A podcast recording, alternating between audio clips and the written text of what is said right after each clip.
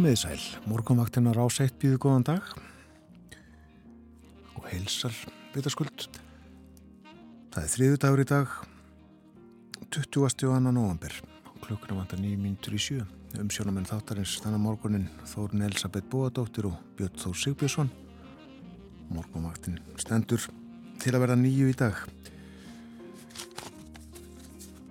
Aðeins svalar á landinu heldur en í gær og uh, líklega síðustu mótna. En uh, heitast í misjant eins og gengur. 6 gráður í Reykjavík klukkan 6 í morgun. Hægur vindur, það var skíjað. 7 gráður á Kvanneri, 8 metrar þar.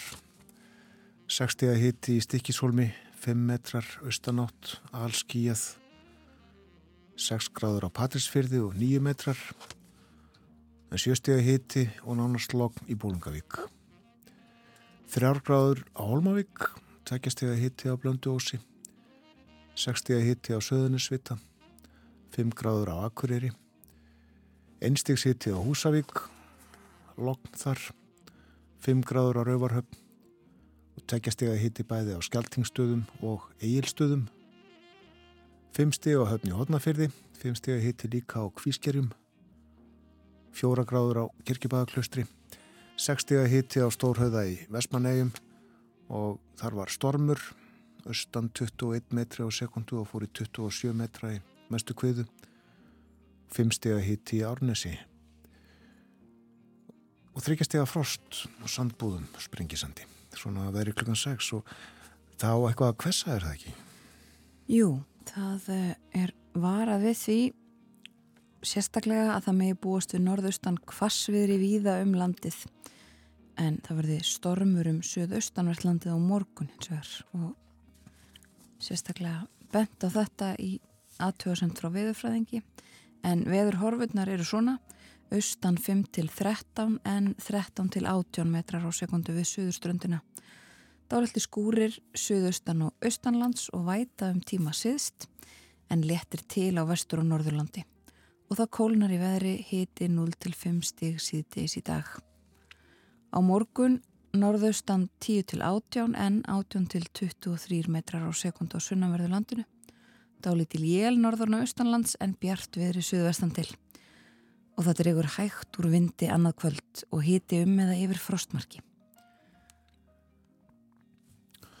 Sessat dáliti kvast í dag og eh, enn kvassara á morgun. Það er hálka á heiðum og þær eru taldar upp á vegagerðarinnar við þekkjum þetta, auðvitað, eh, háltaverið heiði, vatnaleið, brattabrekka, svo dæmi séu tekin Stengriðsferðar heiði, Þröskuldar, Öksnadals heiði, Fjörðar heiði, Víða hálka. Við höfum sloppið við snjóina mestu, langmestu leiti allavega að hinga til en öðru máli gegnur um vini okkar á Norðurlundunum. Mikil snjór hefur verið í Svítjóð, Norri, Danmörkur síðustu daga. Forsíðumund morgunblæðsins sem er tekin í Svítjóðu gæðir.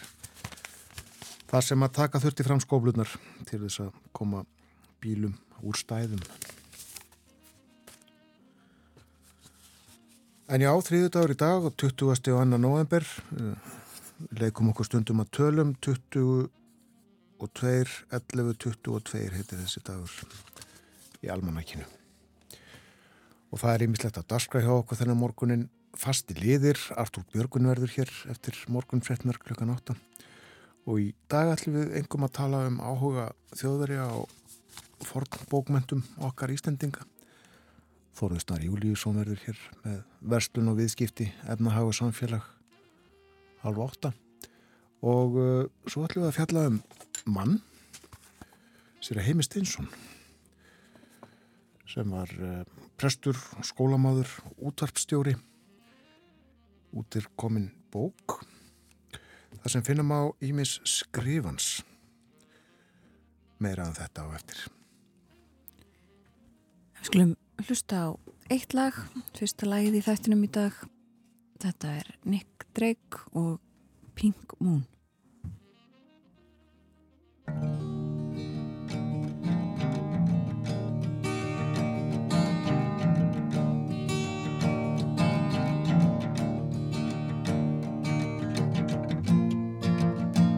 Zoe written and I saw it say Bingo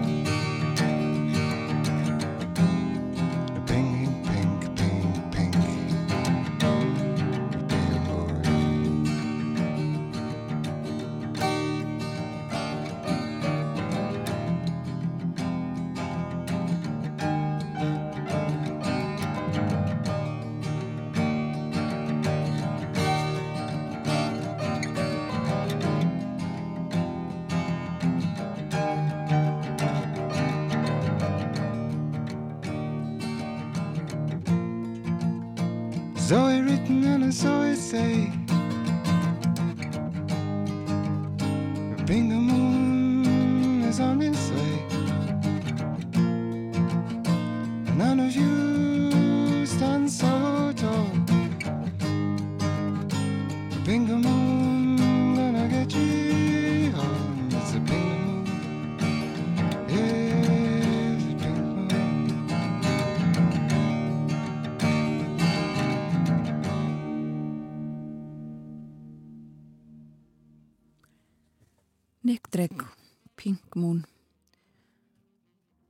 nýtt tungla á morgun. Við fyrum að leipa fréttastofunni að. Það koma fréttir á slæginu sjö. Svo snúum við aftur hér á morgunvaktina með aðeins meira kaffi í bollanum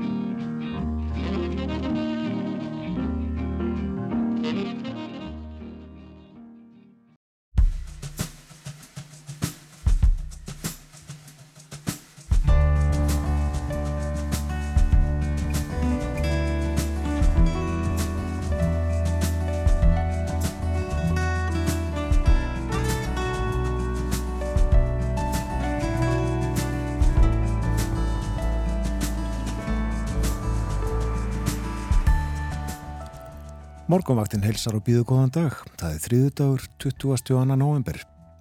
Katarar eru undir smjásjá margra um þessa myndir vegna heimsmystaramótsins í knaðsputnu sem þar fer fram. En hvað kostar þetta mót? Hvað var gert í landinu í aðdraganda þess og hvað ætla Katarar sér að fá út úr þessu öllu saman? Þóruður Snær Júliusson, rittstjóri kjarnans, svarar þessum spurningum þegar hann sest með okkur upp á klukkan halv átta. Launstafir tímans nefnist nýjútkomin bók. Í henni er brot af öllu því sem Heimir Steinsson, prestur, útastjóri og fleira skrifaði um æfina. Heimir velti fyrir sér álitamálum í trú og stóru og smá er varðar lífið og tilveruna. Sískinni hans tvö, Kristín og Ingólu Steinsbörn, koma til okkar klukkan hálf nýju og við spjöllum um heimi. Og Artúr Björgun Bollason verði með okkur í þættinum í dag. Bókmyndir eru líka á efniskráni í Berlínarspjalli dagsins. Umsjónamenn morgunvaktarinnar eru Þórun Elisabeth Bóadóttir og Björn Þór Sigbjörnsson.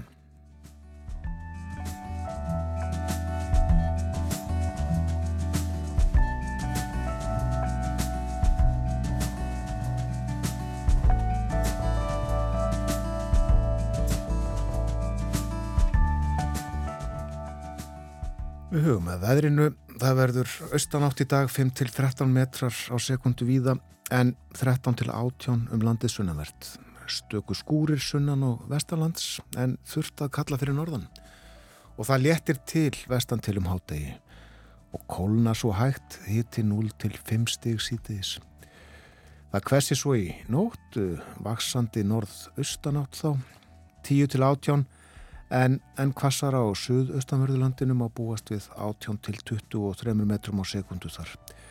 Og vindkvöðunar við fjöllin verða snarpar og það var við um leðina milli eigafjalla og hafnar í hortnafyrði. Á morgun dáli til jél norðan og austanlands en bjart við í suðvestan til. En það tekur svo að læja annað kvöld.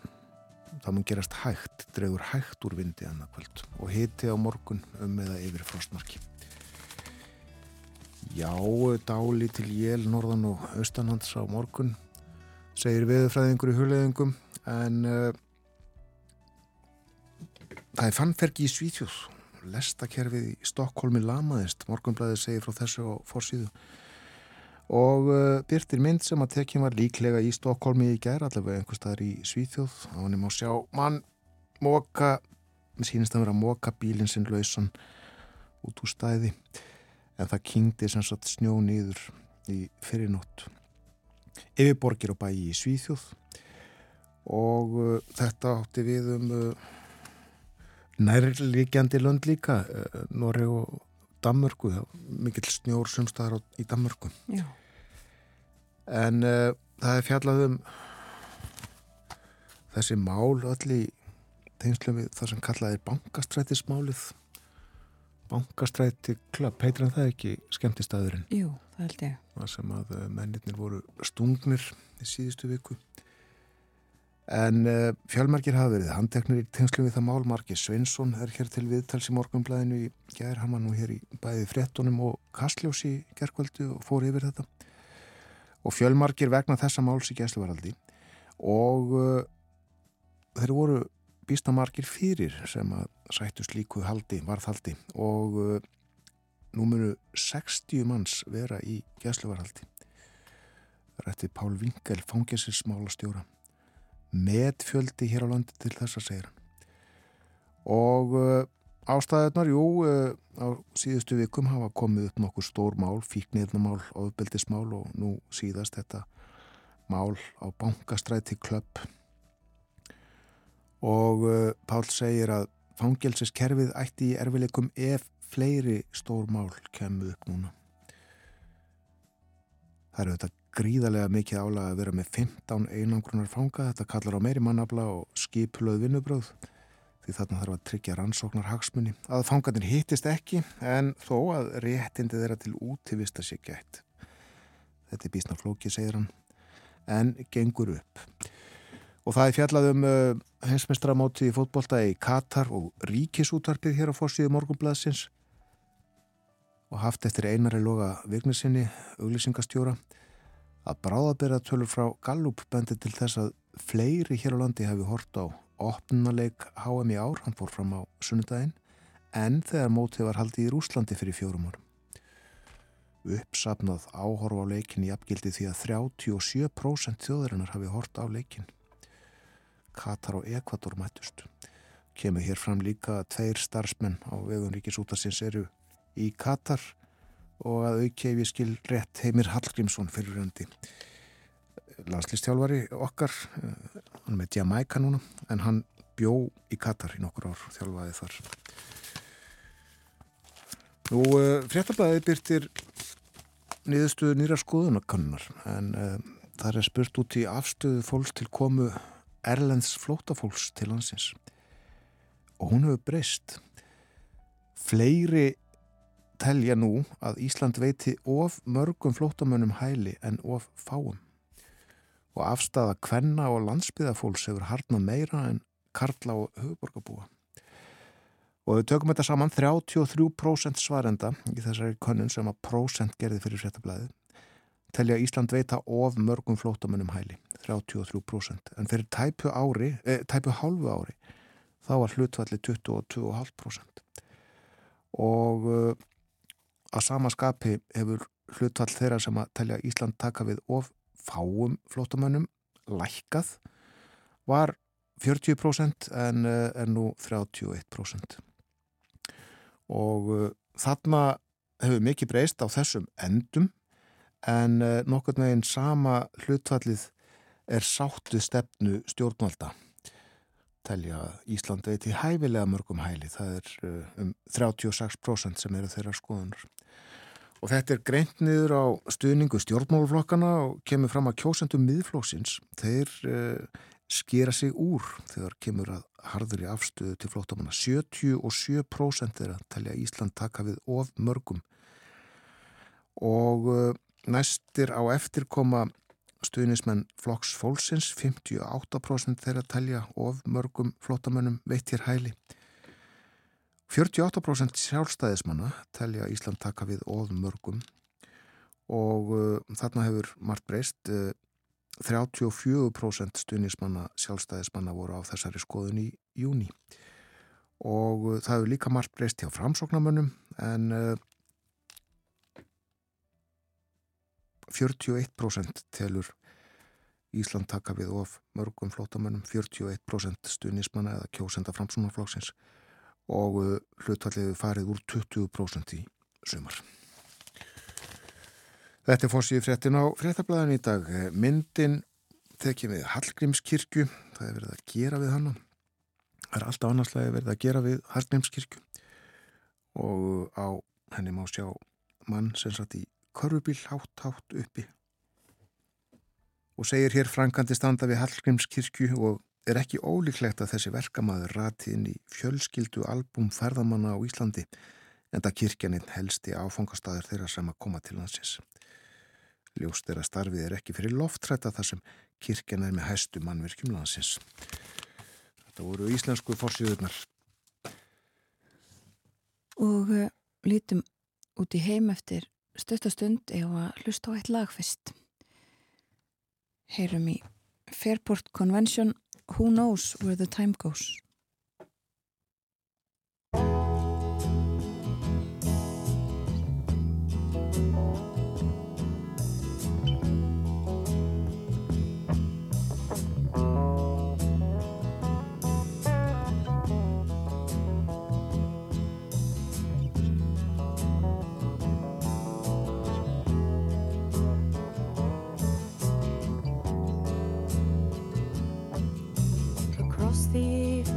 sky.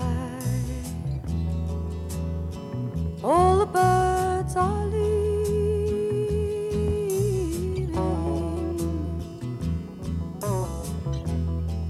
but how can they know? It's time for them to go.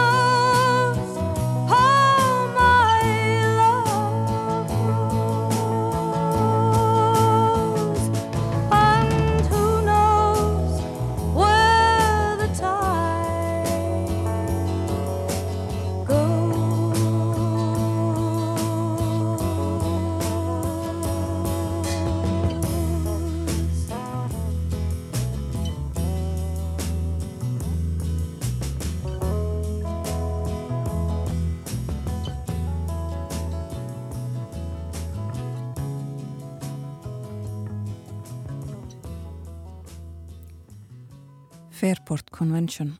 Who knows where the time goes? Við lítum í innlendu blöðin hér áðan og eh, förum nú út í heim skoðum fréttir þaðan og uh, byrjum í Úkrænu tengist nú fréttum og fórsýðum íslensku blæðana þar sem að fjallað er um flótamenn það eru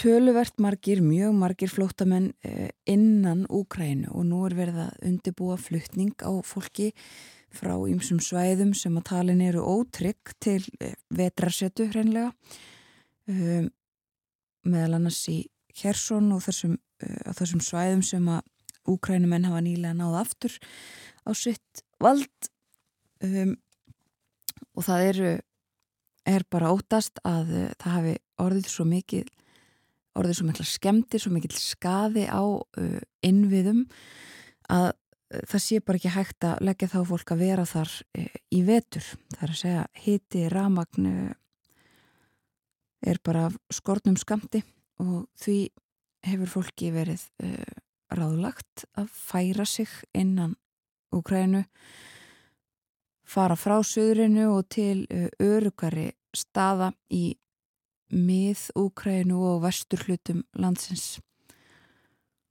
Og stjórnvöld í Úkrænu segjast alltaf hjálpa fólkinu að flytja sig. Og uh, það er sérstaklega tvjallað um þetta í erlendum fjölmiðlum og líka það að uh, það er talið líklegt að það verði uh, ramagslaust reglulega að minnst að kosti fram í mars á næsta ári í Úkrænu víða. Um, helmingur segir í hér í frétt uh, helmingur uh, allra orku innviða hefur orðið fyrir skemmtum vegna árósa frá rúsum þetta segir uh, Volodymyr Selenski Úkræna fórseti og það þýðir að miljónir manna eru án, uh, án ramags og vass nú þegar að veturinn er að koma, það er að kólna og uh, hittastíð farið uh, niður fyrir frostmark og farið að snjóa við það í Úkrænu og uh, þessu tengt þá er fórsýðmyndin á New York Times í bandaríkjunum. Nei afsækið, það er ekki svo fórsýðmynd það er fórsýðmyndin á informasjón í Danmörku sem að er einmitt úr úkrænskum kirkjugarði þar sem verður þeirra uh, bera til grafar úkrænskan Hermann og þar sést einmitt snjórin um allt og uh, fólk í hlýjum fötum með uh, kransa og fylgist með. Og fjallaði um sagt, þessa erfiðu stöðu sem er framöndan í vetur hjá ukrænumennum en á sömu fórsýðu er líka fjallað um loftslagsmálin. Eftir að þessari ráðstefnu, uh, loftslagsráðstefnu saminuðu þjóðana lauk í Egeftalandi rætt við danska sérfræðinga sem segja við getum vel dreigið saman um, farið niður í orkunótkun uh, til þess að reyna að halda í við markmið okkar niður í 80% uh, á næstu árum. Það sem þarf er bara pólitískur vilji. Þetta er alveg hægt. Um, og nokkru sérfræðingar sem, sem að informasjón talar við um þessi mál í dag. Og uh, þá hins vegar aðeins til bandaríkjana við rettum í gærum þessa skotárós á hinsegin klub í Colorado og á forsiðunni er nú uh, viðtal við mannin sem að réðst á byssumannin og uh, bjargaði þannig fjölda mannslífa. Þetta er fyrir hætti hermaður uh, sem að hafði bæði verið í Írak og Afganistan var þarna að horfa á dragsýningu með konusunni og dóttur og vinum og segir frá því að hafi bara þetta hafi bara verið uh, ósjálfrátt. Hann bara varð að gera þetta segir hann.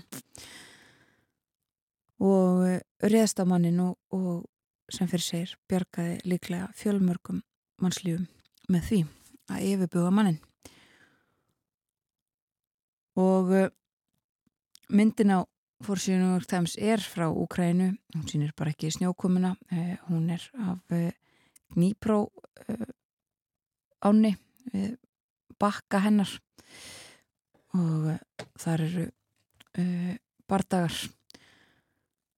Í Breitlandi þá hefur fótboltinn rutt lífskjara krísunni af fórsýðum bladana held ég að með nú eða segja.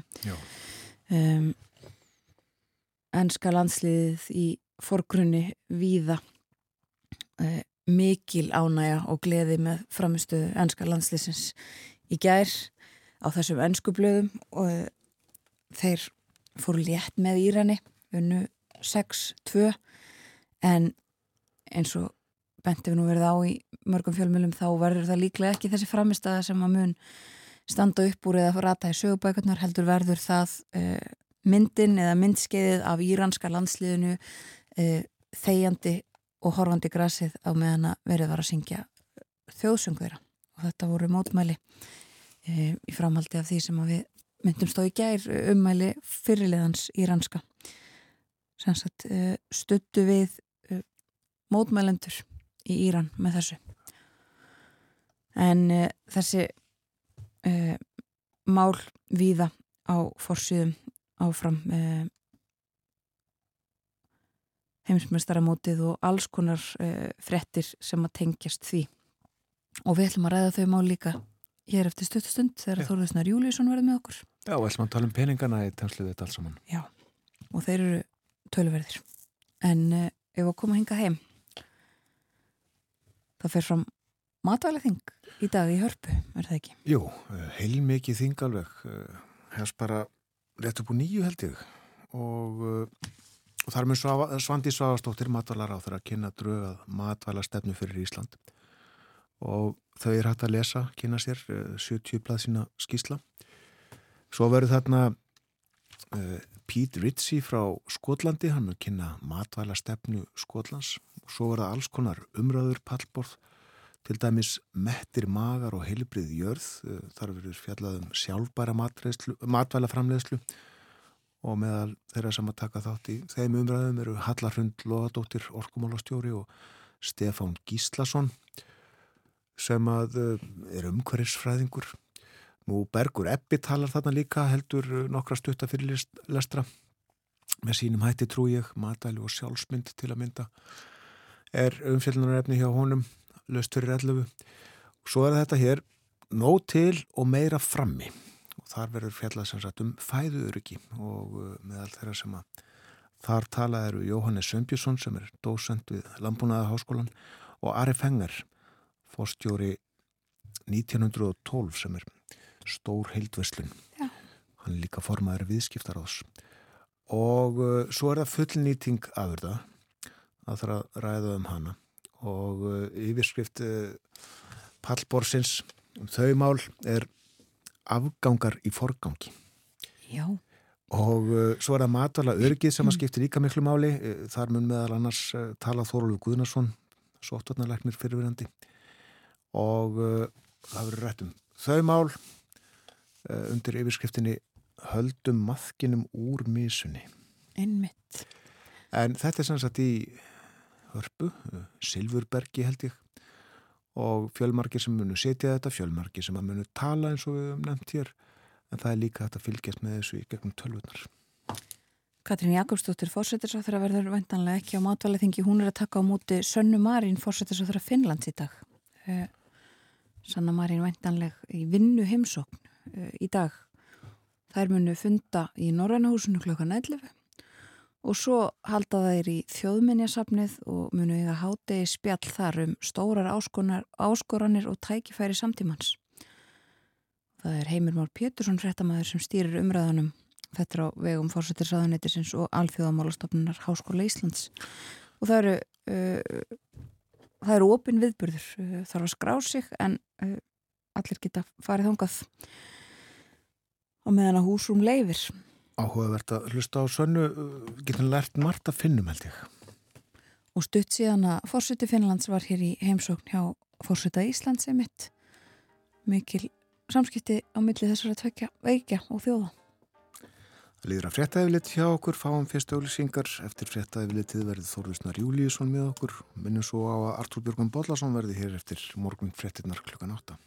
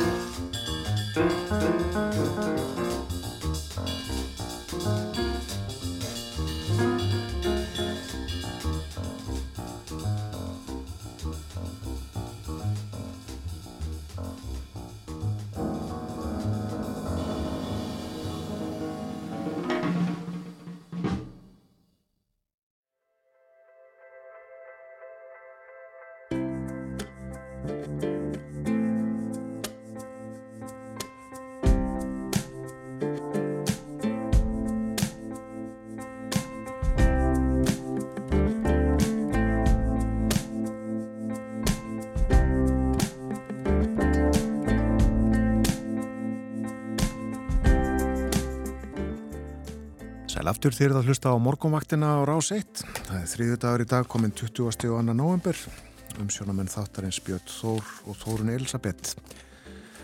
Það er smá haust í verinu, uh, verður uh, austanátt í dag, uh, kannski 13 metrar á sekundu eitthvað svo leiðis, kvassar að þó um landið sunnanvert, 18 metrar þar, eða uppundi það. Og stöku skúrir sunnan og vestanlands en þurft að kalla fyrir norðan og það létti til vestan til um hátegi kólnar hægt, hitti 0 til 5 stíg sítiðis og það verður enn kvassara á morgun. 10 til 18 almennt víða og 18 til 23 metrar á suðvestanverðulandinu og það má búast við snörpum vindkviðum við fjöll á landinu suðvestanverðu. Dálið til jél norðan og austalands á morgun en bjart við í suðvestan til. Og það dregur svo hægt úr vindinu manna kvöld og hitti um með það yfir frosmarki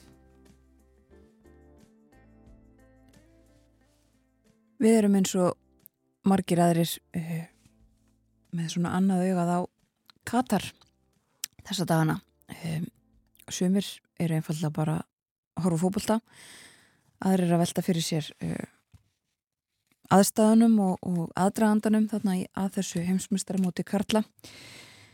En uh, það er allavega að vísta að Katar er undir smásjá margra þessa dagana og við ætlum að tala um heimsmyndstaramót Karla í Katar næstu mínútunar að uh, byrjum þar og uh, við ætlum að tala um peningarleiðin á þessu öll saman. Hvað ætla Katarar að fá út úr þessu og hvað hafa þeir varið miklum peningum í þetta allt saman? Þóruður Snær Júliusson, reðstjóri Kjarnans er komin til okkar. Góðan dag Þóruður. Góðan daginn. Hvað kostar þetta allt saman? Hvað kostar að halda heimsmyndstaramót í fótbolta í ríki sem hafði ekki mikla fótbolta innviði? Eh, Það kostar svakalega marga peninga. Eh, Það er áallega að eh, kostnaður eh, Katar við það að eh, gera eh, sig eh, heimsmeistara mótshæft sé um 220 miljardar bandaríkja dólara það eru svona 32.000 miljardar íslenska króna. Eh, þetta er svona 25 sinum árleg útgjöld íslenska ríkisins. Uh, og þetta er langmesta uh, innviða fjárfesting sem nokkur ríki hefur ráðist í til þess að gera sig tilbúið til þess að halda heimsmestaramót þetta hafa heimsmestaramót oftast verið haldin í löndum þar sem ja, eru stórir innviðir svo sem samgöngu innviðir og, hérna, og holræsakerfi og, og annað slíkt svona, veist, sem er uh, getur tekið á móti þessu massa sem kemur og svo ég tala nú ekki um vellina sjálfa uh, í ríkjum þar sem eru kannski deildir sem er spilar, þar sem eru týjir þúsunda manna að mæta á leiki og það er þörf uh, allt árið í kring fyrir slík mannverki slíku er ekki að skipta í Katar, það eru þetta Uh, þeir eru svona ekki, eru svipuðu margir og við Katarbúarnir sko, og við Íslandingar þetta er umlega 300.000 en svo búa um 3 miljónir í ríkinu með uh, öllum, öllu aðkomu fólkinu og farandsverkamönnun uh, og þessi fjárfesting er auðvitað í segið sér sjálft í öllum völlunum sem þarf að spila og það eru bara Já, ég sá einhverja tölur um, þú veist, það séu kannski þúsund, tvö þúsund mann sem er að mæta reglulega á leiki í Katar sem er bara svona eins og hérna uh, butt meðlungsliði í efstu deild á Íslandi kannast við uh, í, í læðunum í, í, í, já, núna í oktober, fyrst að það börja að spila alveg fram í oktober hérna á Íslandi.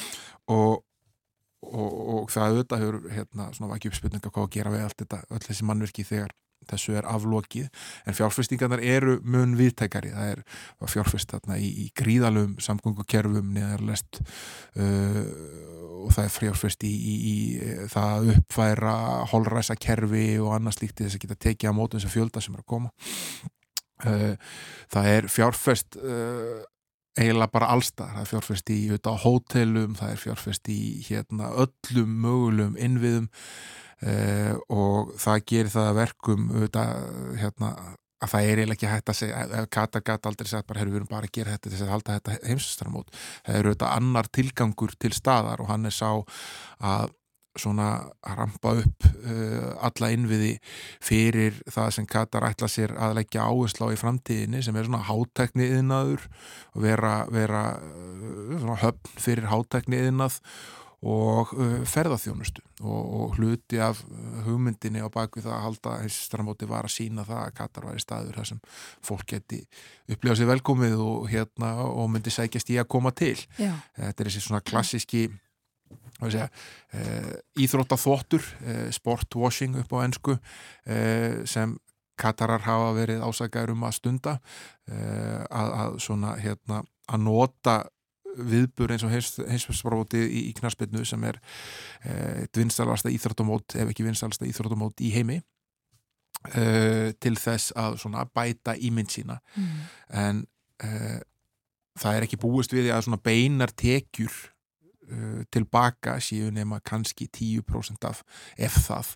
Svona 15 til, eða svona kannski svona 7-8-10% af því sem hérna uh, þeir hafa lagt út uh, Katar hefur lagt út og það þýðir þá að þarna eru svona 200 miljardar dollara cirka, það eru hérna svona 28-9 þúsund miljardar króna sem hafa verið fjárfestir í því að kannski segja, bæta ímyndina og fá tilbaka eh, einhvers konar eh, einhvers svona óefnislegar greiðslur í, í, í formi aukinar velvildar og, og til framtíðar mögulega hérna, aukinar aðsóknar fólk til þess að búa heimsækja eða starfa í Katar.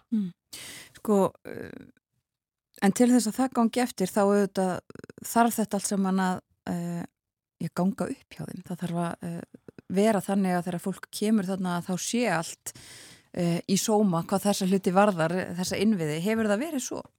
Eh, Nei, það hefur auðvitað ekki verið svo uh, og uh, það hefur verið þannig að, að það hefur margt uh, sem ég, ég, held að, að, ég held að allir sem eru að fylgjast með þessu hvort sem það eru alþjóðlegum hérna, fjölmjölum eða eh, bara að horfa á þetta í sjómarpunum þá sjá þeir að, að svona kannski neikvæðu fréttinnar af mótshaldinu sjálfu, ekki af fóboltanum sem hefur verið ágetur uh, hafa fremur verið neikvæðar en jákvæðar.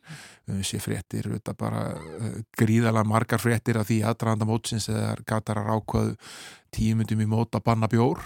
Og svo sáum við á fyrsta leik þar sem Katara spiluðu Ekvadora Ekvadorarnir sungu á bjórin sinn vildu fá bjór það er segið stúkunni, ekki leikmennir Nei, Uh, og við höfum séð uh, auðvitað fjölmarka fréttir af svona því hvernig uh, hvernig vestræn mannréttindi sem eru talin sjálfsögð í okkar hluta heimsins eru meðhundluð það eru að stoppa fólk að fara inn á velli ef þau eru í regnbóabólum og það hefur verið hérna aðgast að fjölmila fólki og svo framvegis. Það eru auðvitað verið fréttur um, um um uh, gistinguna sem er í bóði uh, Katarar uh, eru bara með nokkra 20.000 hótelherbyggja en búast við þarna ja, þú veist, 1,2 til 1,5 miljón manns og eru búin að setja upp bara loftbrú inn í, í nágrannaríkin í saminu arabisku fyrstudamunum til þess að get, gera fólki kleft að gista þar og, og koma á leiki en hafa líka sett upp já, alls konar svona tímabundnar uh, vistarverur, uh, eitthvað svona tjaldbúðir úr, úr, úr þykku plasti í 40 stiga hita með engri loftarestingu sem uh, hafa ja, allan á samfélagsmiðlum sem ég hef séð verið hérna, oft líkt við fræga Fire Festival sem þykir misefnaðasta tónlistarháttið held ég allra tíma Uh, og svo auðvitað hafi verið alvarlegri hlutir, ég meni við sáum hérna uh, kastljósið beinast af íranska landsliðinu í gær þegar leikmenn þess hvers að syngja ekki með þjóðsögnum uh, sem í, í mótmæla skinni uh, þeim aðstæðum sem eru til staðar í Íran núna vegna,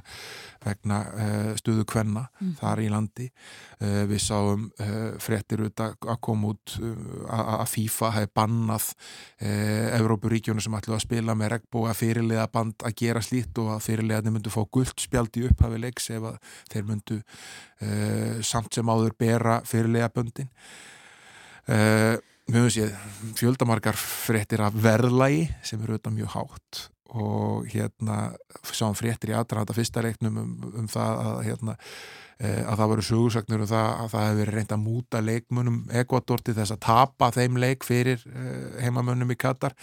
Og allir sem horfðu á þann leik held ég að hafi átt að sé ansi fljótt á því að það var ekki að fara að gerast. Sem Ekvatorar höfðu umtalsverða yfirbyrðu og sigur á lokum öruglega 2-0 þannig að það er svona ímislegt og kannski það sem verður hérna svona, svona komið mest og óvart er bara þegar maður að horfa á leikina er, er þessi tilneying til þess að segja ekki satt um fjölda áhörfund á leikjum? Já, Eh, það eru hérna og kom út svona yfirlýsingar um það að, fjöldi áhorfenda á leikjunum sé oft fleiri en velliti bera en fyrir alla með sæmilega sjón sem horfa á leikina sjáður þetta, það er fullt af auðum sætum. Það er ekki full setið á, á mörgum þessara leikja. Þannig að hérna, það er svona það er furðulegt að, að, að hérna að vera með uh, slíka áherslu já. E, og þetta eru auðvitað bara sko allur aðdragandinn en fyrstu dagarnir og, og Karsljósu verður þarna áfram, að- já, að minnsta kosti á meðan á mótunu stendur næstu vikurnar en sem sagt það sem að katararnir e, ætla sér að fá út úr þessu er þetta, þeir eru svona nota íþróttinnar til þess að hreinsa ímynd sína eins og, og við erum búin að fara yfir og þeir ætla að verða ferðamannaland og hátekni yðnaðarland Já, svona uh, kallar þetta verða höpp fyrir uh, hátækni en alltaf byggja upp nýjar stóði katar auðvitað eins og hérna, mörg ríki á þessu svæði byggja auðsinn á, á nýtingu jarðarnæðsnittis og, og hérna uh, og eru svona að búa sig undir næstu skref og það má þetta hérna svona við horfum út, út frá uh, skipulagi þá auðvitað er þetta ef þú ætlar að fara í svona að, vera með önnur markmið en einvorungu að halda svona mót þá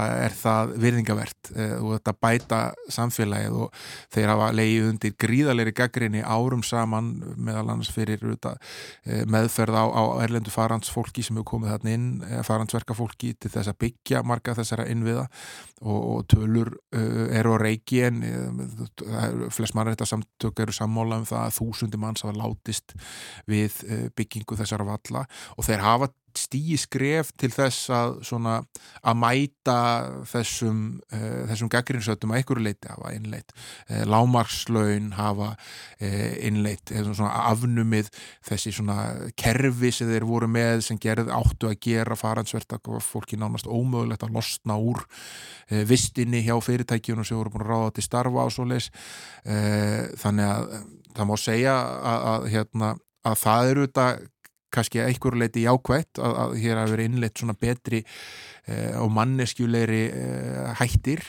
eh, en aftur á móti er auðvitað eh, sko lámaslönin er auðvitað mjög lág við erum að tala um kannski, þú veist, einhverju hundrakalla eða hundrakalla á íslenskum eh, hérna á, á klukkutíman þannig að hérna það er það sem þeir eh, auðvitað vilja fá út úr þessu, það er hérna svona betri ímynd og koma kattar á kortið. Og og, og þetta hefur auðvitað verið erfitt. Þetta er búið að vera alveg frá 2010 þegar þetta var ákveðið. Það var, hefur verið ský ásakana um múturbrot og, og, hérna, og slæma meðferð á, á, á verkafólki og uh, íþrótaþvætti sem Mhm. fylgir þessu Mhm. uh, bara spillingu uh, hangið yfir þessari framkvæmt og þessu móti. Já, Já við fylgjumstu þetta áfram með þessu. Þetta stendur næstu vikurnar en ef að færa okkur frá Katar sem að ætlar að verða höfn fyrir hátekniðina uh, til Silikondalsins sem að við svona þekkjum betur einmitt sem svona hátekniðinaðar höfn. Já og kannski eitthvað svona geira sem uh, virtist engin takmörg sett.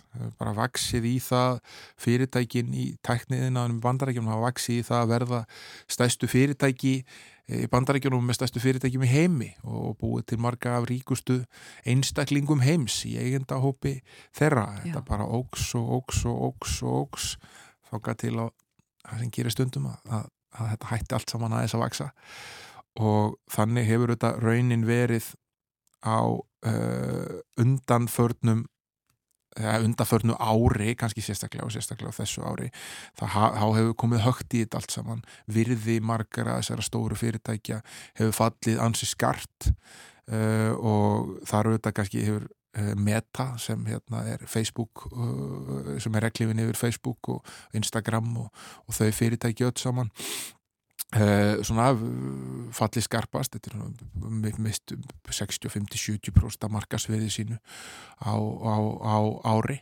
Uh, en fleiri hafa fallið um 20% og núna er þetta svona farið að að býta í raunheimum ekki bara á hlutabrjámarkaði við séð uppgjör fyrir þriða ásvörung hjá mörgum þeirra ekki standast væntingar og sjá tekjur dragast saman uh, viða hjá þessum stóru fyr, uh, teknifyrirtækjum og, og, og það hefur leitt til hversju og það hefur leitt til þess að mörg þeir eru farin að grípa til uppsagna.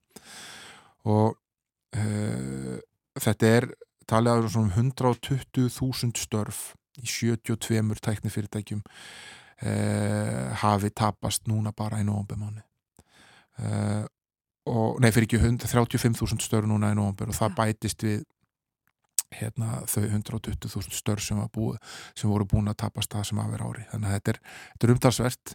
Þetta er hérna langleðina í, í, í hálfa íslenska þjóð eða svona Akkúrat. rétt æflega það. Já, Eh, en þetta er þetta risastór fyrirtæki eins og til dæmis Amazon sem núna ætlar að, að segja upp um 10.000 uh, starfsmönnum eru talnir að vera með um eina hálfa miljón annarkort uh, starfsmanni fullu starfi eða hlutastarfi. Þannig að þetta er svona um 3% af þeim sem uh, Amazon telur til sinna starfsmanna sem á að segja upp þar. Uh, Meta uh, Facebook-hópurinn ætlar að segja upp 11 þúsund manns og það er talið að séu svona 13% af, af, uh, af hérna, starfsmannafjöldana þar. Ég held raunverulega engin viti hversu margir starfsmannur eftir hjá Twitter. Það er svona ríkir ákveðin ringulreið. Það var uh, eftir að Elon Musk kefti fyrirtækið og, og tók það að markaði þá var ákveð að segja upp uh, já, alltaf 50% af, af starfsfólki hún er byrjuð nómber og, og svo var, uh, var, var öðru starfsfólki eh, settir svona ákveðin afakostir um það að, að hérna annarkort myndi það samþykja að vinna myrkran á milli og, og hérna og leggja sér fram á þann hátt sem Musk kallaði eftir eða það geti hætt og gefið dagsetning fyrir það sem ég held að veri 15 í síðustu viku og fjölmargir ákvaðu einfallega að yfirgefa fyrirtækið. Þannig að það er svona ja, minnstakosti 3700 til 4000 störf sem hafa tapast þar og það er mjög stór hluti af störfunum hjá Twitter. En miklu færi starfsmenn þar en hjá þessum stóru áðan. Fleiri stór fyrirtæki sem hafa verið að að, hérna, að minka við sig e, í starfsmannafjölda er til með Stripe sem hérna e, þar sem hafa um þúsund störf e, tapast sem eru 14% af öllum starfsmönnum þar og Salesforce. Þar, þar hefur hund, nokkur hundruð störf verið hérna lögðin yfir Microsoft eh, reitt um þúsundi eða undir þar. Eh, Snap sem reykur hérna Snapchat og, og svo framvegis og svo framvegis. Já. þannig að þarna er svona raunveruleikin aðeins að banka upp á. Það er hérna eh, það verist vera að meðstakosti að tækni einreiðin sem hefur verið hérna á undaföllnum árum að hún sé að minnstakosta að hæja þess á sér. Já, ég þá að verja síðustu mínúturum okkar í að tala um uh, ég, svona kannski tengt mál en hér á Íslandi. Uh, hér hafa verið einmitt áform og, og það er svona reglulega að tala einmitt um þetta háteknið innaðurinn og, og fjóraðastóðin undir hagkerfið og, og svona þarfamitu göttunum og hér hafa verið hafðir skatta afslettir vegna rannsóknar og þróunar. Já, og þeir hafa hækkað alveg gríðarlega á skamum tíma. Sko, 2015 voru við að veita 1,3 miljard króna í, í, í svona endugreislur vegna rannsóknar og þróunar og hugmyndin er svo að, að borga fyrirtækjum eh, hlut af þeim kostnaði, eh, endugreiða fyrirtækjum hlut af þeim kostnaði sem það leggur í það að búa til eitthvað nýtt. Og hérna og svo hefur þetta verið hækkað og þakkið hefur verið hækkað uh, umtalsverð, nú er það sagt, 35% í tilfelli lítill á meðarstóra fyrirtæki og 25% hjá stórum fyrirtækjum af þessum kostnæði hann er sérstaklega tilgrindur og þetta var votun hjá rannisti þess að vera endurgrislega hæfur. Uh, í fyrra namn kostnæðurinn uh, að endurgrislega í ár vegna ásins í fyrra voru 11,6 miljardar þannig að þetta er búið að ja, tífaldast á skömmun tíma og uh, núna er komið fram frumvarp um það að framlengja þessa, þetta fyrirkomulag til 2025, það er enda stóði stjórnarsóttmálunum að það gera það varanlegt en hérna, frumvarpið gengur ekki svo langt nú að framlega tímabundi og væntalega í millitíðinu að leggja fram einhvers konar nýja heldar laga umgjörð um þetta allt saman. Hún hefur verið bóðu lengi vegna þess að það eru vandkantar á þessu fyrirkomulagi. Uh, og uh, samkvæmt því frumvarpi þá uh, er reikna með að kostnæðurinn 2025 í endurkurslu verið 15,3 miljardar það er dágóð uppæð sem er þá endurgreitt til fyrirtækjana í ár voru 267 fyrirtæki sem fengu stuðningin, það er þremur fleiri enn fyrra og uh, kontrolant fekk einstöku, hæstu einstöku greinsluna, hámarksgreislu sem það fyrirtæki gæti fengið 385 miljónir króna. Uh, og það eru þetta fyrirtæki sem hefur vaksið alveg gríðarlega á skömmum tíma. En hæstu greisluna fær CCP að venju vegna þess að þeir skipta sér í tvent og fá raunverulega tvöfalda greislu eða 550 miljónir króna Já, þú sáðir að það væri ymsir vangantar á þessu.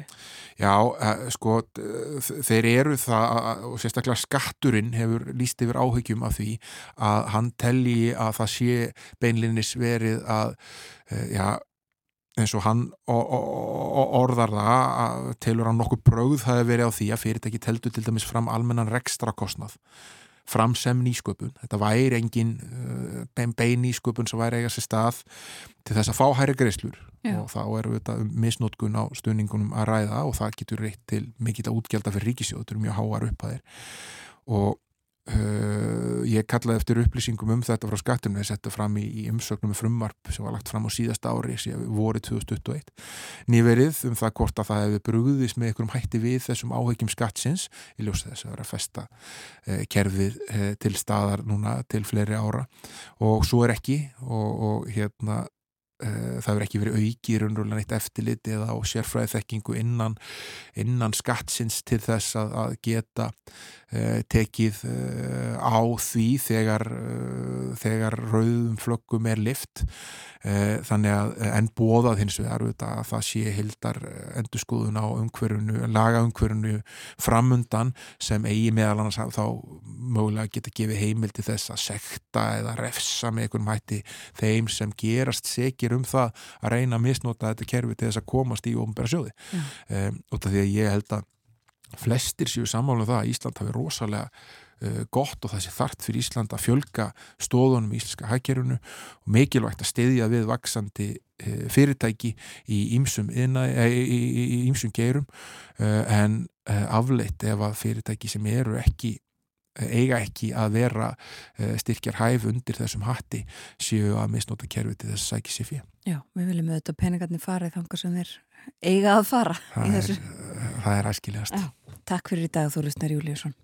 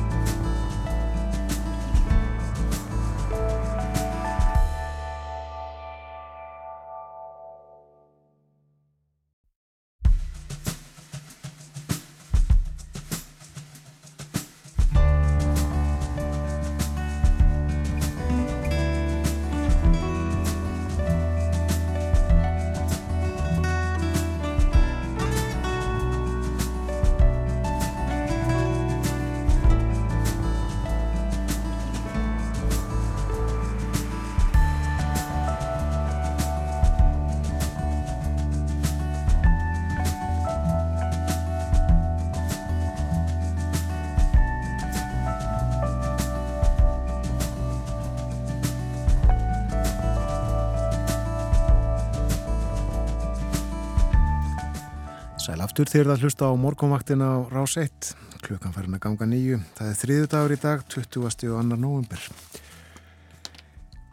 Frettir að baki og já, það er þriðu dagur og það þýðir bara eitt, það er komið að Berlinarspjalli og uh, Artur Björgun Bodlason með okkur ekki gegnum tölvunar af þessu sinni, hann setur hjá okkur í hljóðstofu. Góðan dag, velkomin til okkar. Góða, það er verið gaman að vera komið hérna á borðinu. Og nú það sem að þú vart með okkur að þá uh, ákváðu við að tala ekki um sjóls og félaga í pólitíkinni. Eh, Við ætlum að tala um það sem skiptir máli. Bókmentirnar. Gerast háflegir. Og uh, það er nú margt að tala. Við höfum nú stundum minnst á, já, gert það annars lagi að þannig mikla áhuga í Þýskalandi á íslenskri menningu. Mm Og, og bara þvert á það sem að mætti halda að, að, að þá eikst hann verðist vera og um, bara spur, eftir, eftirspurnin talsverð eftir sko Íslandingasjónum. Já, það er nú vitað mála að, að uh, þau verið að sinna okkar samtíma bókbendum mjög vel. Það myndist að bókbendin er almennt og þeir hafa löngum verið mjög áhugaðsamir um uh, okkar samtíma höfunda og uh, sá áhugi hann uh, tók nú mikinn kipp fyrir einum 11 árum þegar við vorum heiðusland eða gasland á stærstu bókastefnu veraldar, er mjög ótt að segja, í Frankúrt við Ána Mæn og e, hins vegar hafa þeir líka haft uh, mjög mikið áhuga fyrir okkar fótbókmyndum og aðeins að fara nú að reykja söguna alla eh, þá er kannski að því íslendingar hafa nú vil gaman af sögulegri uppbrífin við erum miklar söguverur og sagnaverur þá má nefna að í rauninni sko áður heldur en að Íslendinga fór að sinna þessum fornu bókmyndum sínum að neinu marki þá voru þjóðverður búin að líka í þeim nokkuð lengi þeir fyrstu sem að rannsaka þessa bókmyndir okkar af einhverju viti eru þjóðverjar og þarna á 19. öldinni þá vaknar áhugið þýskara fræðimanna e, og svona kringum aldamóti 1900 og fyrr e, á þessum fornu sögum þeir fara því það er sko það er náttúrulega e, sko, þetta er gaman að nefna það svona í fremhjálfleipi að e, sko fyrir þá sem hafa áhuga ferðarþjónustu að upphaf íslenska ferðarþjónustu segi ég alltaf voru íslendingasögurnar Já.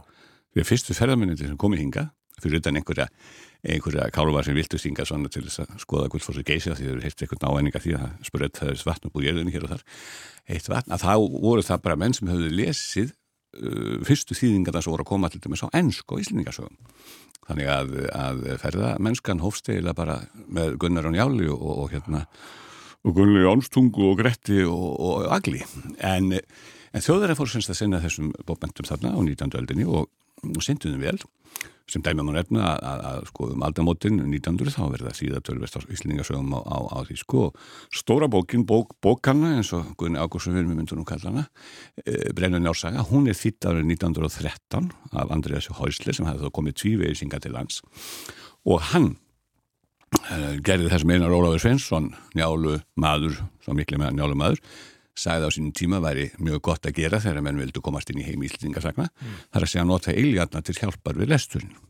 Eins og Einar Ólafur Sveinsson orðaði þar að segja ganga umfara umferðast um slóðir sagnana og uh, þetta gerðu þjóðaréttinu Andrijas Hósler, vildur svo til ég var fengið einhvern sem vildur skrifa grein í, í bókum þann merkamann um Íslandsferðir hans og hvernig hann notaði iljarna til þess að e, hjálpa sér að stilja brennunjársögu að þessu var hann svo snottinn af Íslandi að það fór svolítið yfirum því að hann, hann fór að þýða sem sagt átt að þessu á þess að, að, að, að hérna í sko, hvað Íslands er gagsæ og hann átt að þessu á því líka þegar hann fór að fara um til dæmis Rangárþing að uh, heitin á stöðunum þar voru síðanleg og skiljanleg.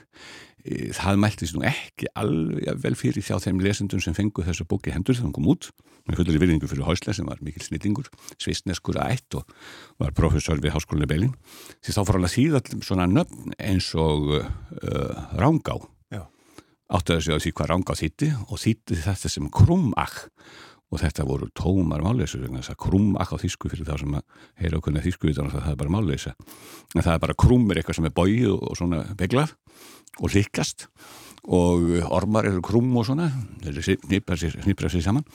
Og svo þýttan uh, eh, hlýðarenda sem halden endi sem væri sjálfur sér ekki svo galið nefna hvað að um það letið eða glömmið setna þá að fara að tala um öskuhauga sem haldi þannig að eh, menn sögðu mjög mann eftir því ég fór að lesa fyrstu íslendingasögum á þýsku fyrir fólk og ég fór að tala um halden endi þess að menn kindarlegir í framhann og sögðu byttu á þetta eitthvað bjóð hann á einhverjum öskuhugum þessi, já, þessi já. gunnar En hvað hva, hva er hlýðarendi kallaði þá í, í setjum tíma þýðingum? Eh, hann er ekki þýttur lengur sko hang endi hafa minn þýtt en það er bara málið er sko að þessi í setjum tíma þýðingum eru þessi staðarheiti láti hann halda sér. Já. Þetta er náttúrulega álíka eins og þegar uh, sá ágættu höfundu Gunnar Gunnarsson fór að þýða til dæmis í, í svona upptendraður af ást á íslenskunni og, og hreintungu stefnunni fór að þýða til dæmis Leipzig með hlaupsi og svona.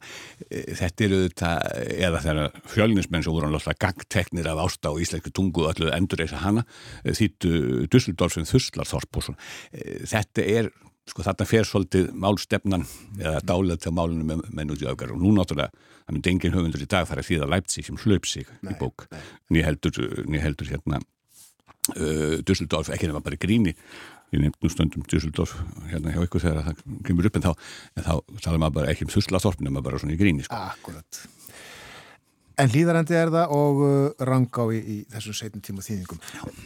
Sko þetta er ekki bara fræðimenn eða einhverju sérstakir áhuga menn um, um uh, gömul bókmæntaverk og fleira sem að lesa Íslandingasögunar í Þýskalandi núna eh, spurningin er sem sagt, hefur almenningur áhuga? Tölvirt, slú segja svona upplýstur almenningur og ef við tölum um daginn í dag að þá er það förðurlegt að, að þær virðast njóta mikillar hilli það verður alltaf að taka með reyningin að ástæðan fyrir því að Íslandingasögurnar sem eru heimsbókmentir og ásamtaldur og lagsnes okkar eina framlag til heimsbókmenta voru náttúrulega öllum þjóðum og öllum tung, öllum tungum óþektar til skams tíma svo ég nefndi það ekki fyrir 1900 sem færið þeirra þýðar eitthvað ráðir 20. öldinni og í dag er það þannig að það hafa komið út náttúrulega margar þýðingar af Íslandingasögum og þýsk og nú er verið að vinna að nýri heldarþýðingu, fyrstu heldarþýðingun á þýsku sem er eða svolítið bagalegt að hún skulle ekki hafa komið fyrir vegna þess að það eru allar konar út á ennsku og það eru allar konar út á Norrlandamálunum en nú er fyrsta heildaþýðingin sagafólaði ekki út fyrsta heildaþýðingur af þýsku og ég hef tekið eftir því að því ég náttúrulega sko var þarna á njáluslóðum í fjögur ár og uh, gréri svolítið saman við þá bók. Og ég ekki að setja mig á sama stall og snillingi Jón Böðvarsson sem var náttúrulega flinkastur allra manna að, að setja fólkin í njálu og tók heilu kynnslöðunum með sér inn í þá bók. En uh, Jón kom þarna og fór í njáluferðir. Ég kom ekki að fór í njáluferðir heldur bjói í bókinni í fjögur ár. Ég vaknaði í njálu og sopnaði í njálu. Og uh, það var alveg svakalega semtileg upplifun að lifa í svona bók í fjögur ár. Og ég hef ekkert losnað við njálu síðan. Svo var ég látin endur segja hana alla saman. Mér var hendur på einhverju hóla í rangaþingi að þýskum upptökumönnum sem letum við endur segja hana alla saman á hljóðbók í tvo daga, það var skorin niður í 75 mínútur. En þeir voru líka halvt ára að, klippa röglið úr mér sko. Og svo var þetta sett svona auka út út úr ég mátti bara tala um njálu í, í, í, í hérna tvo daga. Og þetta kom út á sínum tíma ásamt fáinum öðrum sögur sem voru í þessari hljóðbók uh, og frjáls endursögn. Og síðan uh, mann ég skrifaði bók hérna líka svona um bókmentaslóðir og, og þá sagði uh, lektorinn hjá fólæginu sem er stórst týrs fólasúrkam Insil, hann sagði við mig þegar að las handriti yfir, hva, það er nú ein bók sem að tekur nú bara alltaf því þriðjunga bókinni þessi njálsaga, hún hlýtur að vera merkilega að segja, já hún er náttúrulega merkilegur þallra sagna og eitt frottasta bókmentaverk í sögu heimsins og eftir það hann alltaf að fara að stitta textan og eftir það sagði hann, já, hann móti að vera svona langt svona. En ég hef semst þetta ekkert losnað við njál og svo eru menn að hafa samband af því það er einhvern veginn kvísast út að, að sitja einhver auðlið þarna í Berlín sem að sé frá Íslandi ættaðu frá þessu sagnalandi og sé sæmilega liðtækur í, í máli heimamanna og, uh, og ég hef verið beðin nokkur sinnum að koma og kynna sögurnar. Bæða svona menninga eins og þessi Aldenborg á dögunum. Þá var ég alveg hissa það ég er nú ekki dómarið því að fara að lesa upp og svona. Ég hef skrifað nokkað bækur í þýsku sjálfur og fer oft með þær um og, en þegar ég var beðin þá til dæmis núna bara fyrir tveira mánuðum að mæta og vera með skyndi nánskið með Íslendingasögur þá held ég að ég verði nú orðin eitthvað slakkur, slappur í þýskundi og þegar ég las þetta, þessa beðinni aftur. Og en það reyndist rétt vera og það sem meira var bara sem lítið dæmi á því að ég upplöði þetta á einn skinni. Ég hugsaði með mér Aldenborg það er nú ekki neitt svona menningar neitt menningarmiðstu veraldarinnar en ágættu svo fallið borg og allt það og er í næra Saxlandi. Þannig að mætunum kannski 5-6 sérvitringar vegna þess að ég sá það líka í daskáni að það var menn þú veist að kaupa sig inn til þess að sitja með einhverjum náunga á norðurhöfum og, og verið skyndi námskeiðum Íslendingarsögur í aldum sko þeir þjóðverðar sem heyrðu þetta þeir voru líka svolítið þess að en uh, það mættu bara rúmlega 30 manns. Og ég held ég er ekki eldri eins og maður segir. Síðan, hérna, og þarna rauðsæði ég um njálu og aðra íslingasögur og í einn og hálfan klukkutíma þetta var bara skyndi og það og það er uh, mikill áhug fyrir þessu þarna. Og, og þess vegna sko ég var fyrir 20 árum á njáluslóð. Í mörg ár þá, var ég um fjögur ár sem ég bjóð þarna í fljótliðinni á miðvísusögu sviðinu. Og þegar að Guðni Ágúrsson hafði samband við mig fyrir einhverju vikun síðan og sagði nú verður þú að koma heim og eða þegar þú ert heima þá verður þú að mæta því við ætlum að endurreisa heiður njálu. Og ég sagði mér það er nú svolítið langt síðan ég notaði að hjálpa mér sjálfum mér og öðrum við lesturinn á njálu þarna fórum daga. En e, fór svo að hugsa málið og hugsa mig að ég er svo sem alltaf búin að vera með þess að sögu heilanum síðan þannig að það er ekkit uh, mikið stökk aftur í fortíðina og uh, fór þarna um daginn núnum síðustu helgi austur uh, í Kolsvöld, austur á Kolsvöld og uh, hugsaði mér líka með mér, já já, þannig er nú eitthvað málþing og þar mætaðu þetta sexu sérvitringar en viti menn, töyir manna mættu úr rangarþingi og víðar að Suðurland og allarlega frá Reykjavík. Auðvitað er allra þess að guðuna sem, sem framsugum aðeins ekki lítið, það er veit þjóðin. En uh, þarna var semst að farið yfir það hvað þetta að gera fyrir njálu og ég kom þarna sem destur að utan og ég horfði náttúrulega til uh, hins þýskumælandi heims í, í minni framsögu þarna. Og uh, þarna var atkvæða mikil sveitastjóri sem var ákafur mjög og ger eitthvað og, og það er semst að bara, bara og þarna var manniska sem lísti þessum jálu repli sem er stormverkileg fyrir bæri mörg hundru manns held ég hafa komið að því að sauman og hann er bara hundru metrar langur sem er svona bæju reyfillin sko. Lýsir allri sögun jálu eh, rekur allar sögu þráðan í jálu í myndum, saumaður. Ótrúlegt alveg. Ótrúlegt afreg og, og hérna þarna var líka maður sem færiði sönnur á það uh, hafði verið á hæsbækju og færiði sönnur á það að það væri rétt sem að segja um reið flosa svínafellflosa frá svínafelli og í rángáþing þegar það fór fyrir brennumönum á sínum tíma og hann reið sömu leðina taldan og ásend einhverjum fleirum. Og eh, það er svona mikið gert í því reyna sína fram á sannfræðin jálega, það er nú kapitul út af fyrir sig og, og ég átti nú margar samverðið heima minn á sínum tíma og mér að mér sé svona uppálagt að vera ekkert að hafa háttu það sem einhverju bókmenta þrýsillur Reykjavíka að það getur verið ekki allt verið satt sem stæðin jálega, það er nú annar mál. Já. hins vegar þá var sko ég reynda að gera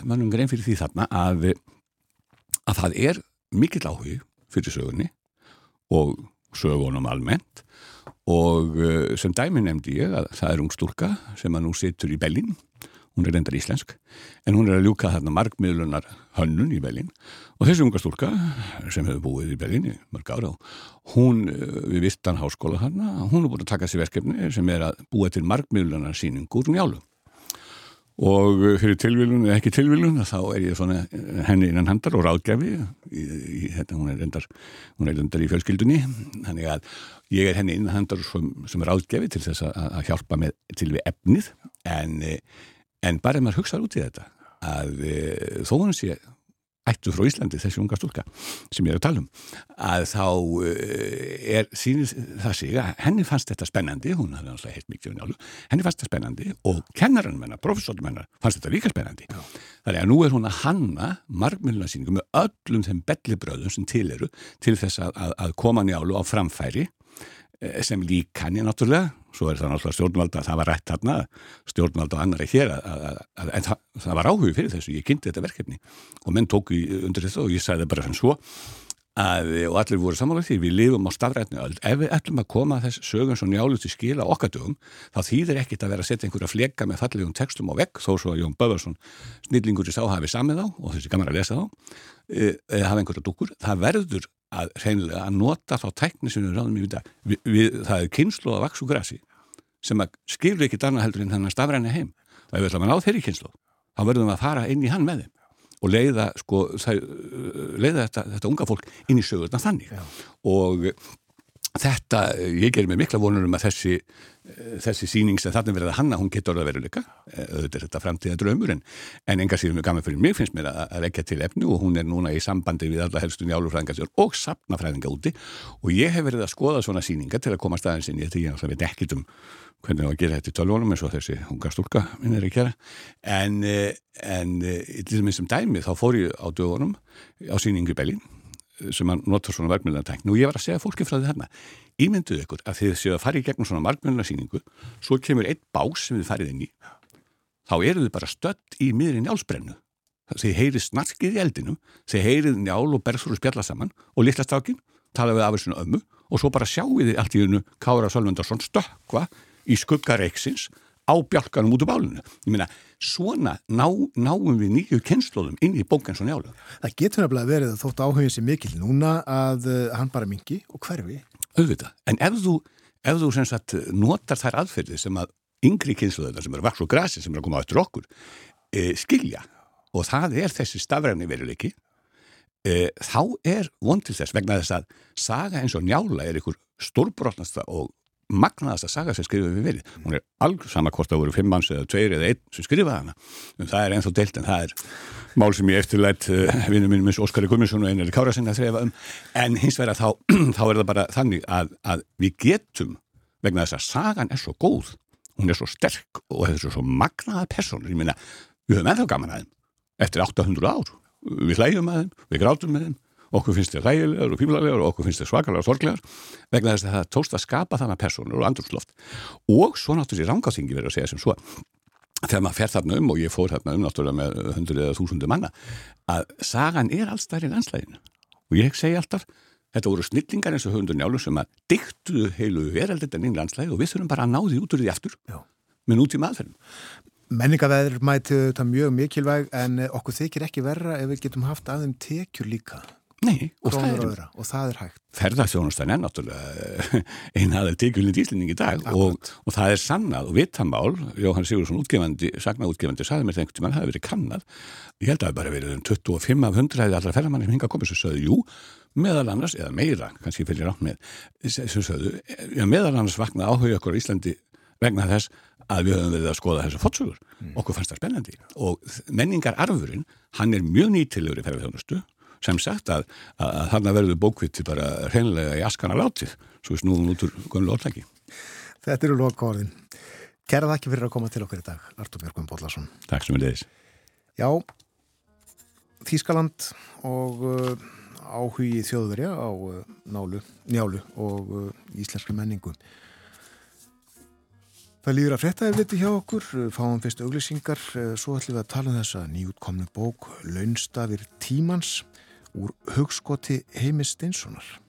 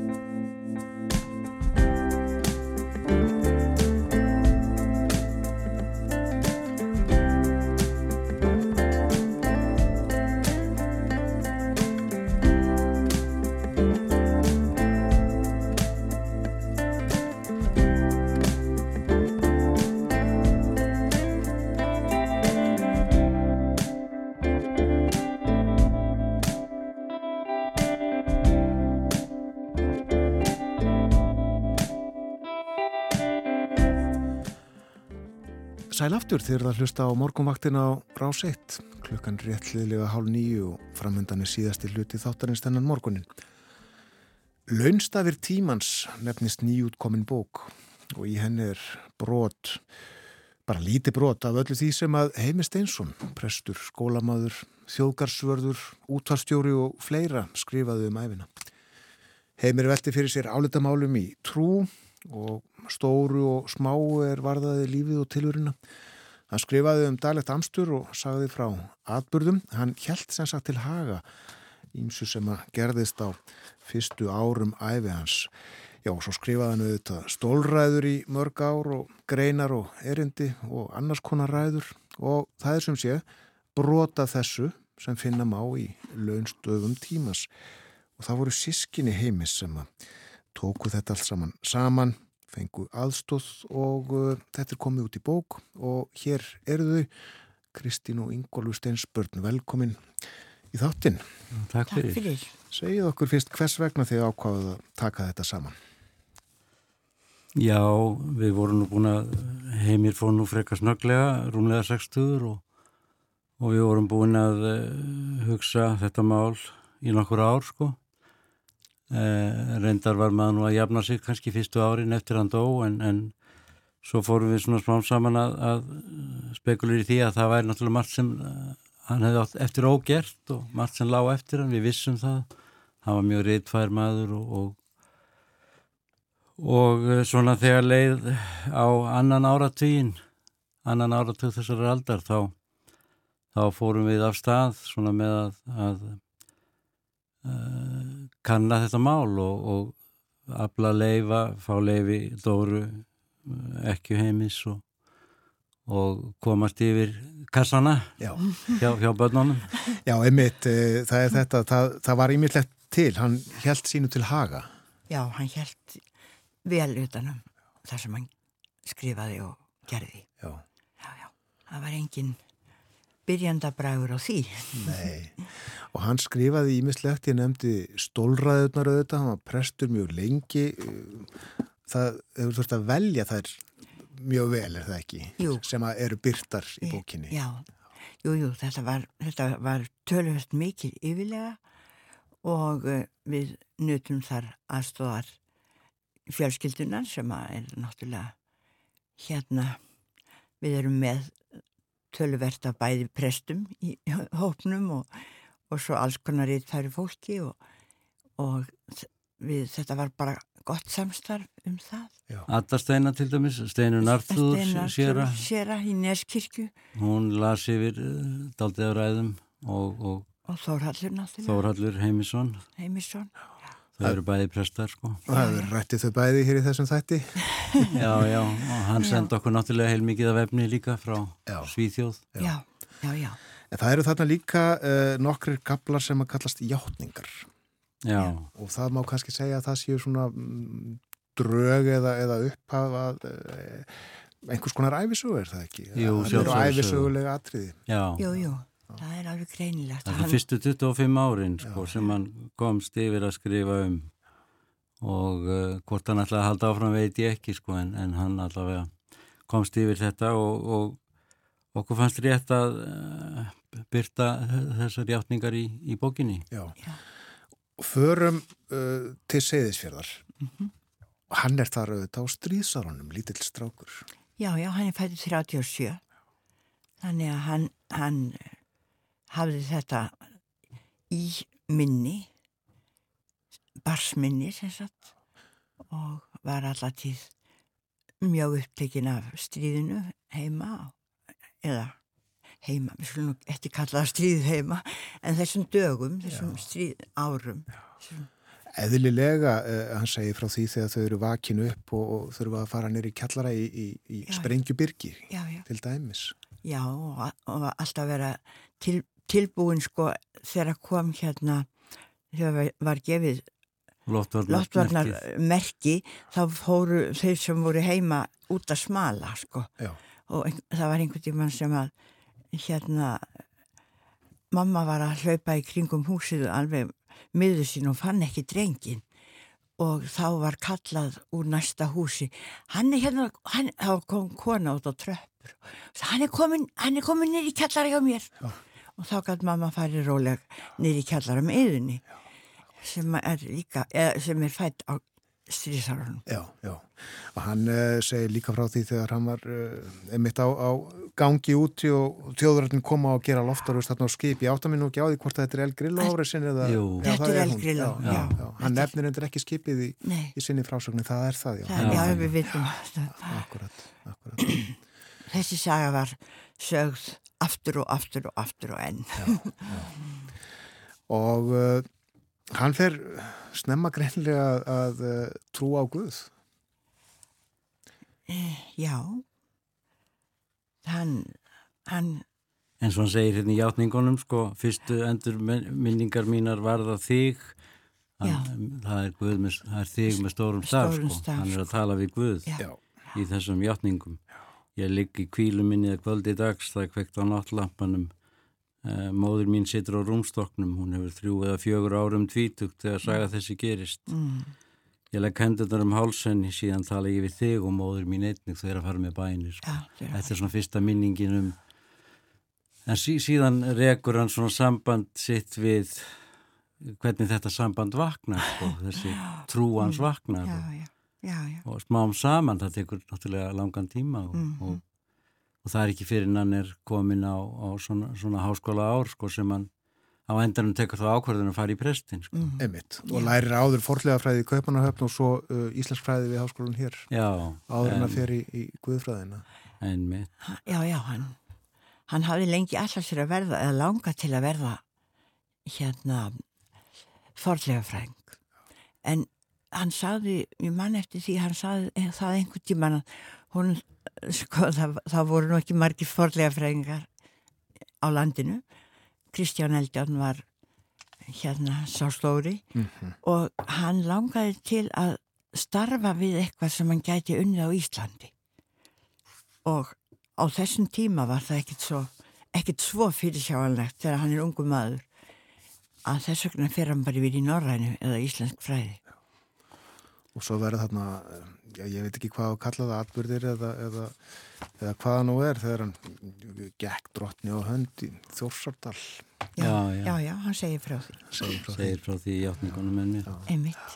En hann, hann uh, kemur víða við í þessum játningum sem við vitum kannski ekki almennilega hvort hann hugsaði eins og, eins og það er skrifað til útgáfu en hann talar um, um uh, það að hann var vinstirsinnaður eins og, eins og fadir ykkar og, og, en svo var hann aðfuga sósílismannum 1956 Já, og hann talar líka um að hann drakk mjög illa á hann, hann, metaskóla á fyrstu árin í háskóla. hann er ekkert að draga neitt undan. Það er svo skemmtilegt við þetta að, að það, það, það, ég, já, við vitum alltaf ekki hvort hann ætlaði að gefa þetta út en mér þykir trúlegt að hann hefði kannski umskrifað eitthvað og gefið það út svo senna ef hann hefði og ef hann hefði enst aldur til en, en hann er alveg hann er mjög heiðarlegur í þessu skrif. Hann er ekkert að mennina glansmynda hann sjálfum sér. dregur ekkit undan sko. Nei, nei, nei, nei, alls ekki, alls ekki. og hann segir einmitt hérna atbyrðin í Ungverilandi og allir strömmkvörfum í huga mér. Mm, þarna 56 sko, ég fann að þarna átti ég ekki heima. Mm. og gerðist nú afhuga sósialismi ekki í skjótri svipan en smám saman. Það gerðist nú mjög minnist þess að fyrir um félagar mínir tókum mig á beinið eftir fundin og sögðu svona talar engin góður sósialisti ég hýrti ekki um að deila við, deila við þá um það hvort góður sósialisti geti stutt kristna trú. Létt mér það í léttu rúmi líka að nú var ég ekki lengur góður sósialisti en uh, honum ofbauð þetta framferði sovjetmanna þannig á Ungarilandi sko. Og kaus setna einmist framsvonarflokkin eða sjálfstæðisflokkin, segir hann líka. Staðar. Já, það Já, en eins og hann segir sko að hann var nú stuttin og frekar svona góða menn til Já. verka. Já, heldur en flokka Hann flokkar, var, já. en jú, jú, hann, hann kaust þessa flokka eftir síðar á æfinni Síðar á æfinni. Og svo uh, eru þarna alls konar guðfræðilega pælingar. Hann, hann hugsar mikið um þau mál Mjög mikið, Já. afskaplega og mikið. er vel lesin í, í fræðunum. Já, já, hann var, hann var sílersandi. Tók nú eitthvað besta próf held ég við guðfræðina sem að nokkuð maður hefur eða hafði allavega tekið Já, hann já. er námi. Og það má geta þess að Alli Harðarsson sem að var nefandi hans á Skálholti, hann skrifar þetta engang. Já, Já, bróður hans, já, nei, já, já Alli bróður hans Harðarsson, Bjarnar bróður hans Bjarnar. Harðarsson, Já, já, Bjarni. sem gefur bókin út. Akkurat. gefur bókinni mitt út eh, hjá Sæm, Sæmundur heitir útgáfan og, og allir skrifa formólan, já Og báðir voru þeir voru- skólasveinar hjá heimi. Já, og Alli auðvitað hinsbyggingur og, og fór mjög ungur að velta fyrir sér stóru spurningunum og, og þeir áttu mörg samtöl áhugaverð Já, já, sem eru alla en mjög í fersku minni. já. Já, já, Það er skemmtilegt að lesa alla. Já, Heimir var nú alin upp mikið hjá Afa, sko, hann var mikið undir, undir svona vendarvæng Afa fyrstu tíu árin og Afi var forn, var, fór, fór mikið með ljóð og sögur aftan úr fornesku og, já. Og mótaði heimi svolítið Mm. og, og hérna, hann segir einmitt frá því, sko, í, hann skrifar um Afa Mm. heil langan kabla og, og uh, segir frá því þar að hvernig, hvernig hann hafi mótast trúlega mikið af þessum af þessum af afa sínum sko Mhm. Já. og, og hérna Uh, hann segir einmitt frá því hann allir sko að, að nefndir líðaskólans gerðu góðlægt grín Já, að tungutæki heimi svo kolluð að svo hann talaði kongamál kongamál, já. og hann spurði allar einu sinni hvort það var einhver innistæði fyrir þessu talaði ég eitthvað kongamál spurði hann og allir sagði nei, nei, eins og hann segir lög eins og ég var langur til. Sagði að, en sannleikurinn var sá að hann þekkti engan annan sem sagði eigi er alls fyrir það að sinja þegar sumir hefði látið sér næja að segja kannski. Kanski. Akkurat. Þetta var, Ég man auðvitað vel eftir heimi e, fyrst úr, úr uh, sjónvarpinu bara og svo eftir að hann var útastjóri og, og ég kom hér til starfa og hann var óneittalega uh, svolítið sérstakur í, í, í hátum og hugsun, fornuð þetta já, uh, öðruvísi að því að ég hef líka fylgst með ykkur uh, svolítið öðruvísi heldur en, heldur en þið sískinin, en var það út af samnættinu við af ykkar haldið að, að hann hafi svona já, verið svolítið öðruvísi heldur en þið. Já. já, að hluta til, en ég held að það sé nú ekki bara það, hann, hann var, jú, hann var mjög mikið með afa, móður okkar var útvinnandi og, eh, en svo hætti hún nú að vinna og hérna var heima, en, en, en sko, hann var alltaf á kafi í sögum og, og móður okkar var afskaplega mikið sögukona, ekki síður en afi og sagði alveg ótrúlega sögur og gat, það var nú engi leikskólar á þessum árum en það var sagt að hún geti haldið vittlisustu krökkum alveg hinn hérna svo leiðist þau sátum sem þau væru bergnuminn þegar hún fór að segja sögur og hún var hann yrkir einmitt fallega, fallegt ljóð um það sem hann kallar ber, bensku minni Já. og uh, það er uh, í bókinni. Ónefnd eru, eru mitt öll ljóðin í bókinu. Já, það, það eru mörg ljóð. Já, hann ætlaði sér að verða ljóðskáld Já. sko í mentaskóla, hann gekk með þessa drauma í mentaskóla að verða ljóðskáld þeir voru kallaði pípuskáldin hann í MA og voru alls ekki leikfumi, voru antisportistar. Antisportistar Já, já, já, já. Og hérna fóru mikinn á pappirnum en ekki í leikfumisal Ein ljóðabók kom út, er það ekki? Jú, hustregn eh, 86 og það er nú tölvöld af ljóðum hérna úr henni einmitt og svo er náttúrulega eru, eru líka ó, óbyrt ljóð sko. Já, Já, hann átti nú tölvöld af ljóðum sem voru óbyrt já.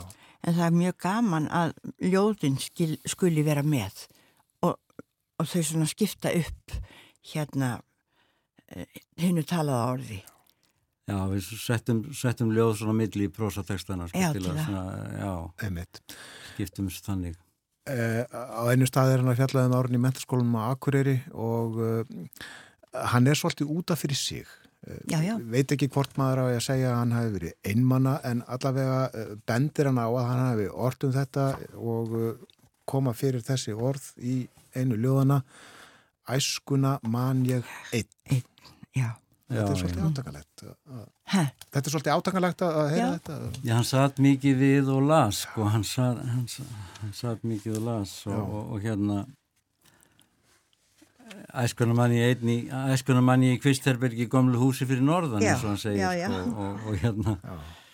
og sko þetta var náttúrulega þetta er náttúrulega sko frekar einmannalega yðja kannski að sitja við lestur eins og við þekkjum en, en, en gefandi gefandi, já. og, og uh, hann náttúrulega var hann var mikill lærdómshestur sko. Mm. já. Já, og, og hérna og orti tölvöld mikið um það já, Ég ætla að vitna hérna í uh, uh, brot úr ræðu sem hann flutti á aðalfundi Seðfyringafélagsins, þetta var uh, 1984 þar um bil. Uh, þessi fundur var haldinn uh, til þess að fjallaðum fyrirhugu kaup á orgeli fyrir kirkjuna á Seðisfyrði og hann byrjar að tala um uh, Guð og gerir það mikillig alvöru, en segir svo Nú skildi enginn halda þessum orðum fylgi einn saman alvöru þungin. Guð er gamansamur, hann skapaði vissulega Sigurbjörn Einarsson, en hann skapaði líka Ómar Ragnarsson, Bessa Bjarnarsson og jafnvel Flosa Ólafsson. jafnvel, já, en við, já, já, hann er glettin. Hann er glettinn Hann er glettin, já. já, já. hann var mikill humorist í heimi sko, en, en það var ekki alltaf á dagskrá náttúrulega. Nei, nei, en hann, hann var eins og ég hef hann í endurminningunni í basminni þá er hann ekki hátilegur. Þá er hann bara skemmtilegi stóri bróðir. Þú manst nú kannski best eftir honum sem svona unglingi er það ekki? Eða dreng, dreng Jú, unglingi? jú, jú, ég man, ég man vel eftir honum og, og, og mér þótti afskaplega væntum hann og hann, hann var, ég var svolítið uppáhaldsbann hjá honum því að það var þannig ekki, hann er fættur 1937 og ég 46, þannig að hann var á hérna komin svona svolítið vel á legg þegar ég fæðist og ég, það var sagt að að Heimir hefði verið með mig í sko eftirdrægi þegar var að leika sér mjög oft með strákonum og það var, það var ég í gömlum vatnavagni sem þeir kalluðu brunabílin því að hann var bæði já já hann gætt runnið hratt en hann var líka aldrei fyrirgengilegur og, og ég gestist um í brunabílum með heimi Já. Það er lengra á milli uh, ykkar yngolur. Já, já, já, já. Eh, hann er á 14. ári þegar ég fæðist sko. og eh, ég man eftir hann sem unglingi og, og, og svona sitjandi við eh, lestur sko mikið og hann var mikið heima la, las nú utan skóla fyrsta árið í Emma og Já.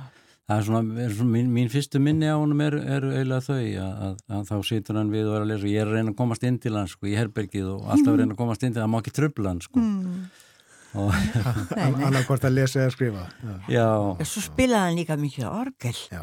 og það var mjög aðtiklisvert því að hann handlisbrotnaði nýjára gammal og uh, fekk aldrei fullan mátt í höndina en hann spilaði mjög mikið orgel Já. Og svo var, var þetta sko, hann náttúrulega gaf sér líka tíma til að leika við mann sko Já, og já, setti, já. setti á svið og bjóð til pappakalla og setti á svið heilu stríðin og Já. styrja styrjaldirnar á gólfinu með mér og, og, og smíðaði skjöld fyrir mig og, og með miðgarsormi á og, og svona var, var, hann var ekki alltaf að lesa sko. Nei, Nei, nei, svona áttu bræður líka að vera. já, Þakka ykkur kellega fyrir að koma þinga og, og spjalla um Heimi Steinsson, Kristín og Ingólfur Steinsbjörn. Takk fyrir okkur. Takk fyrir.「